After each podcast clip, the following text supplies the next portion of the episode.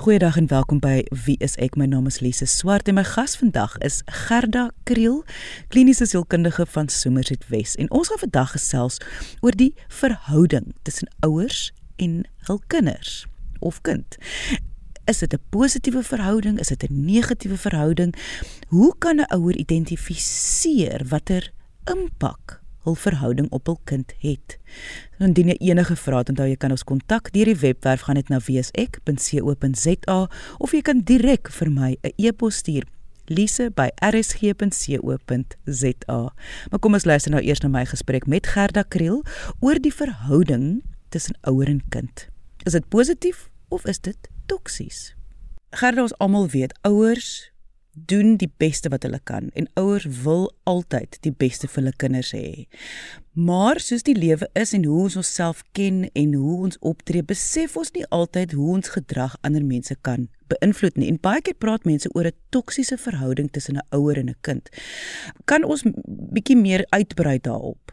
Ja, Lisa, ek dink so 'n verhouding gebeur wanneer die ouer se intensies met die kind is suiwer. Hulle wil baie graag die beste vir hulle kind hê. Soos ek sal sê 99% van ouers, reg?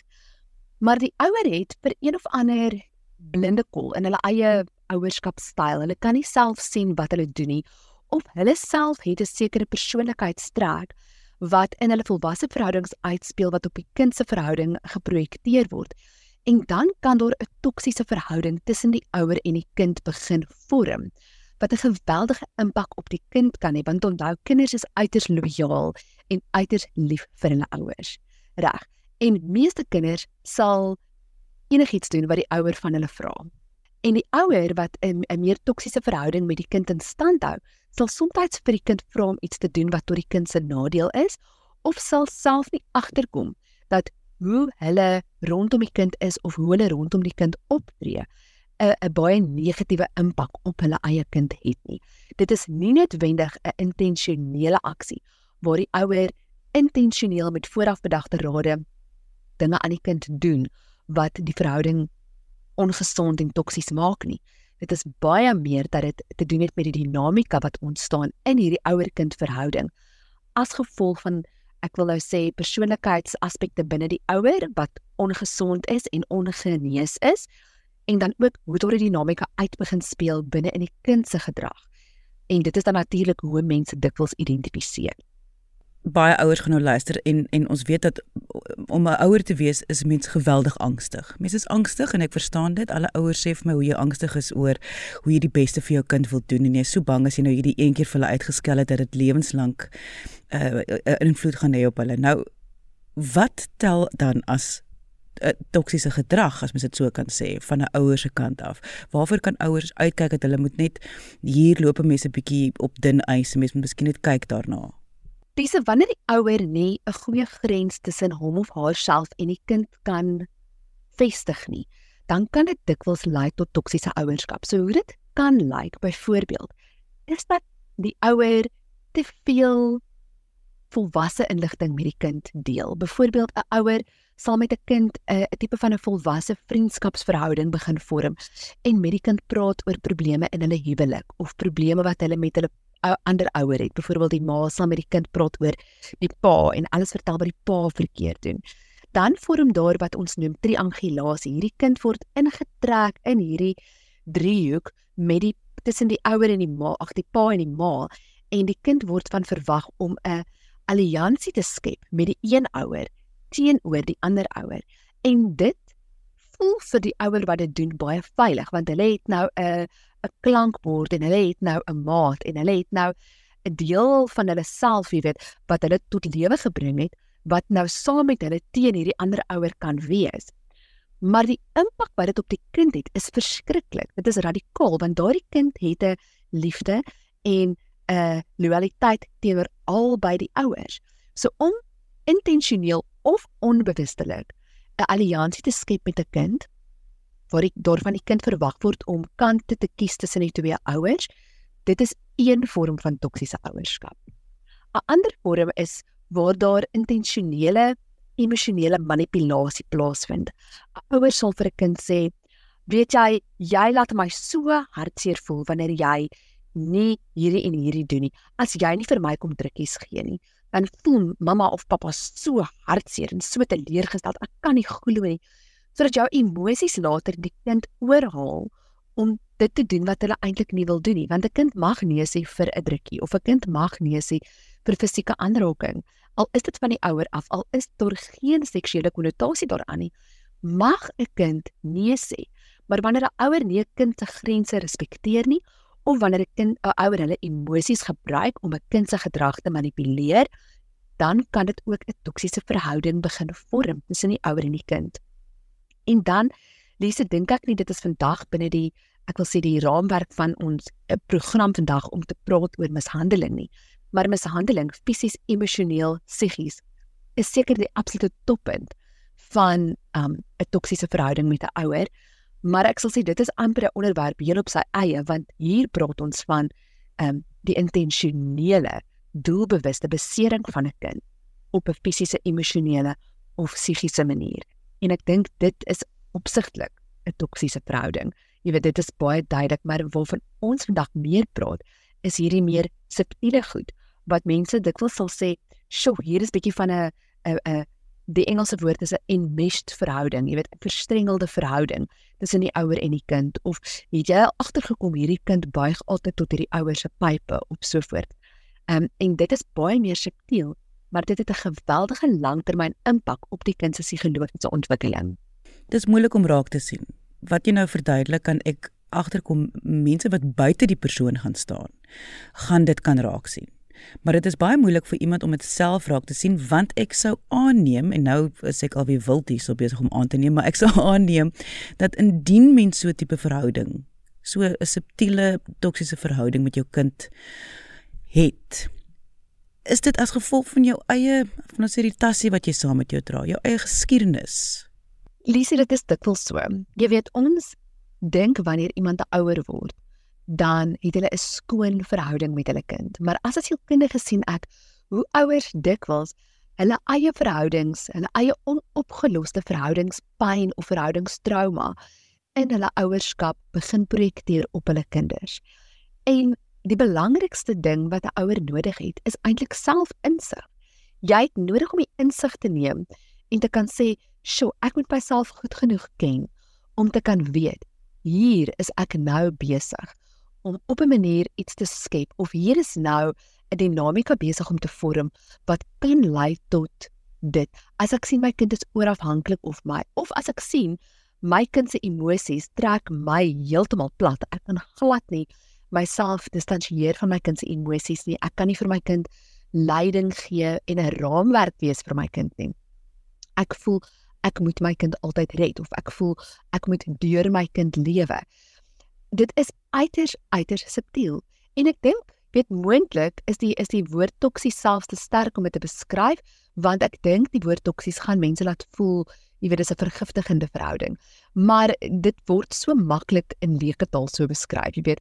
Ek sal dikwels ouers kry by my wat kom sê um jy weet ons is nou geskei maar ek sien my eksman of my eksvrou het 'n toksiese verhouding met hierdie kind. Hulle doen goed wat ek dink baie toksies is in hierdie kind se lewe.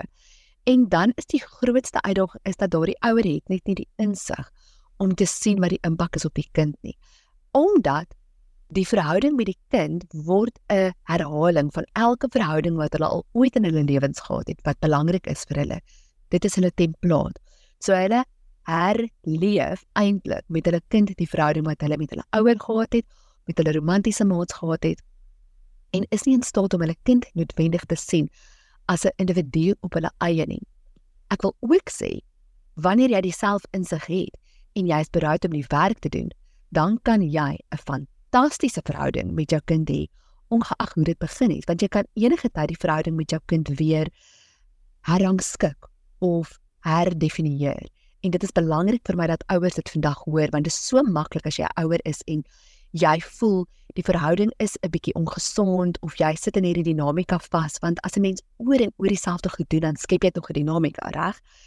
En as jy in so 'n dinamika vasgevang is, jy kan enige tyd dit verander. Jy kan enige tyd die besluit maak om professionele hulp te kry, insig te kry in wat jou motivering is as 'n ouer en dan kan jy jou kind baat maar uiteindelik die verhouding tussen jou en jou kind skoonmaak. Jy kan die lug gaan suiwer om dit so te stel.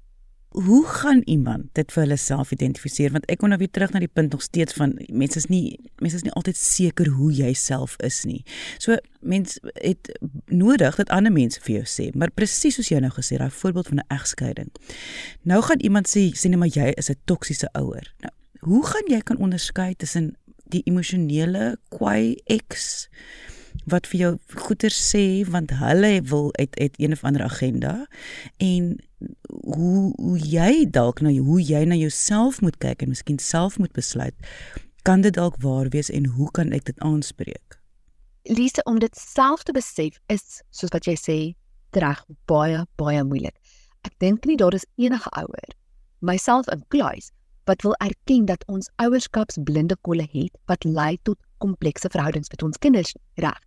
Ons wil graag almal glo dat dit wat ons doen is reg en dit is maklik en dit is goed.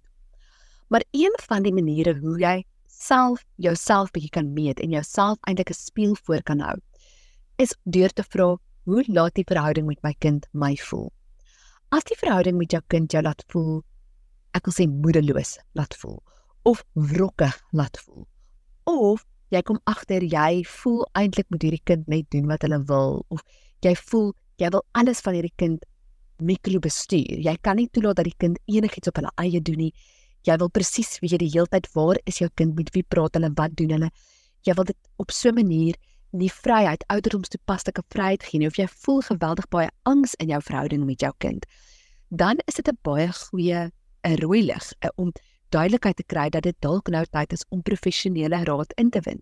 En ek sal vir jou sê as jy by 'n terapeut kom wat eerlik met jou kan wees en ek ek glo meeste van ons is, nê?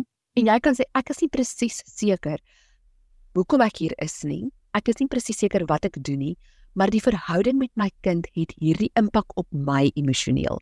Jy weet ek lê nagte lank wakker en wonder het ek die regte ding gesê of my kind en ek is soos een mens. As my kind hartseer is, het ek maagpyn, jy weet. Ehm um, dan sal 'n 'n terapeut in staat wees om vir jou te kan uitwys wat is die dinamika? Hoe kan jy 'n veranderinge aanbring? En jy weet, so ja, daai buiteperspektief is nodig. Maar aan die binnekant, hoe jy voel oor die verhouding, eintlik maar soos meeste verhoudings, nê? Nee? As iets in jou huwelik nie werk nie en jy gaan sien 'n huweliksberader, sê jy ook soms, ek is nie presies seker wat dit is nie, maar ek dink dit is dalk die kommunikasie of my maat laat my op hierdie manier voel. Dieselfde met jou kind. Die verhouding met my kind laat iets nie reg voel nie. Ek sal sê dis die beste beskrywing om dit nou meer toeganklik te maak. Iets voel nie reg nie. Jy hoef nie presies 'n naam te hê vir wat nie reg voel nie. Jy hoef nie 'n presiese duidelike beskrywing te hê vir dit nie. En jy moet weet dat om hulp te gaan vra is nie 'n erkenning van foutdoening nie. Dit is 'n erkenning dat jy bereid is om te groei en dit is 'n erkenning dat jy van plan is om 'n verandering in hierdie verhouding in te bring. Want sekere uh, dinamika kan so ongesond en so toksies raak dat dit eintlik begin opskuif na die uh, vlak toe waar dit kan begin sê maar is hierdie nie miskien emosionele verwaarlosing of emosionele manipulasie of emosionele mishandeling nie. En dan begin dit 'n situasie raak waar die kind se veiligheid in ag geneem moet word. So as jy nie by daardie punt is nie, maar jy is nog iewers hier op die traject en jy kan sê dit voel nie reg nie. Ek voel altyd kwaad vir my kind. Ek voel altyd wrokkig teenoor my kind. Gaan kry professionele raad sodat jy kan leer wat is jou blinde kolle. Gerda, ons het net nou verwys na 'n uh, eh, egskeiding en die probleme natuurlik wat binne daardie konteks kan uitspeel vir as dit nou kom by die bewoording van 'n toksiese verhouding. En nou wonder ek net baie keer sal sê net maar Piet sê Sunny is toksies vir die kinders. Om een of ander rede kry Piet dit reg en dan word die kinders weerhou van die ma of andersom. Want iemand het die woorde toksies gebruik en nou is almal eh, weet in 'n toestand en alles en ek is ek reg as ek voel dis nie die beste ding vir 'n kind nie. Moet mens nie liewers iemand wat 'n toksiese verhouding het help om beter vaardighede aan te leer nie as om die kind weg te vat nie. Lise, dit is absoluut korrek wat jy sê. Dit is in die kind se beste belang om met beide ouers toegang te hê. Maar in die geval waar 'n kind se lewe op 'n manier bedreig word of 'n kind se fisiese veiligheid, dan is dit ook belangrik dat die kind beskerm word. Reg. So byvoorbeeld kry mens gevalle waar kinders ehm um, deur een ouer en dit is verskriklik om dit te dink, dit is regtig pynlik, maar dat kinders deur een ouer byvoorbeeld seksueel misbruik word. Jy weet in daardie geval, dit is duidelik, dit is ek wil sê een van die uiterstes van 'n toksiese verhouding tussen 'n ouer en 'n kind. En daar is die veiligheid belangriker as die kontak met die ouer. So die regstelsel in Suid-Afrika kyk na die die vlakke daarvan. So hulle sal sê, jy weet, waar 'n ouer ehm um, en hulle doen ongelooflike ehm um, assesserings en ongelukkig neem hierdie goed net baie tyd, reg? Maar hulle sal assesserings van die ouers laat doen, persoonlikheidsassesserings om te sê is hierdie ouer rehabiliteerbaar? kan hierdie ouer later toegang tot hierdie kinders hê. Moet dit um beskermde toesig wees met ander woorde moet daar 'n maatskaplike werker of iemand altyd by die besoeke wees met die ouer en die kind. Maar in Suid-Afrika is die staat regtig, ek wil sê ons het 'n besonder progressiewe wet wat dit aan aan aan betref want um hulle sal probeer om altyd die verhouding met die ouers beide te probeer beskerm. Um, en soms as 'n sielkundige sal ek self sê o nee genade, ek dink nie dis in die kind se beste belang nie, maar die hof sal sê, weet jy, kom ons probeer hierdie ouer die hulp kry wat hulle nodig het. En dan is dit die ander ouer wat nou eh, toesig het oor die kinders. Se werk is om nie die verhouding met die kind en die ouer verder te ek wil sê beswadder nie. Met ander woorde, um, ons praat so van jy wil nie die ouer vervreem van jou kind. Jy wil nie jou kind vervreem van die ouer nie die ouer wat toesig het oor die kinders moet nog steeds seker maak dat alle onder ag alle besoeke wel fasiliteer word en bygewoon word sodat hierdie ouer wat dan nou die die ongesonde toksiese verhouding met die kind het nie kan sê my verhouding met my kind is ongesond en toksies want die ander ouer verhoed kontak nie. So dit is belangrik dat 'n mens altyd daardie partye oop het, maar in Suid-Afrika soos ek sê, is die wet progressief Hulle probeer regtig om die kind kontak met beide ouers te laat behou en hulle probeer ook deur middel van mediasie en aanbevelings deur die howe vir mense hulp kry. Of hulle sal vir jou sê, jy het nodig om psigologiese hulp te gaan soek vir hierdie probleem wat jy het sodat jy 'n ander verhouding met jou kind kan hê. En ek moet vir jou sê, selfs soms Lise, voordat dit 'n hofsaak raak, selfs soms net wanneer dit kom by um die kom uit 'n assessering of 'n ehm um, maatskaplike werkondersoek begin baie ouers net omdat dit oopgekrap is begin aan hulle self werk en besef hierdie ding wat ek geheim gehou het kan nie langer geheim wees nie. Nou moet ek begin werk maak hiervan. In baie gevalle is dit so. Ongelukkig in baie gevalle is dit nie so nie.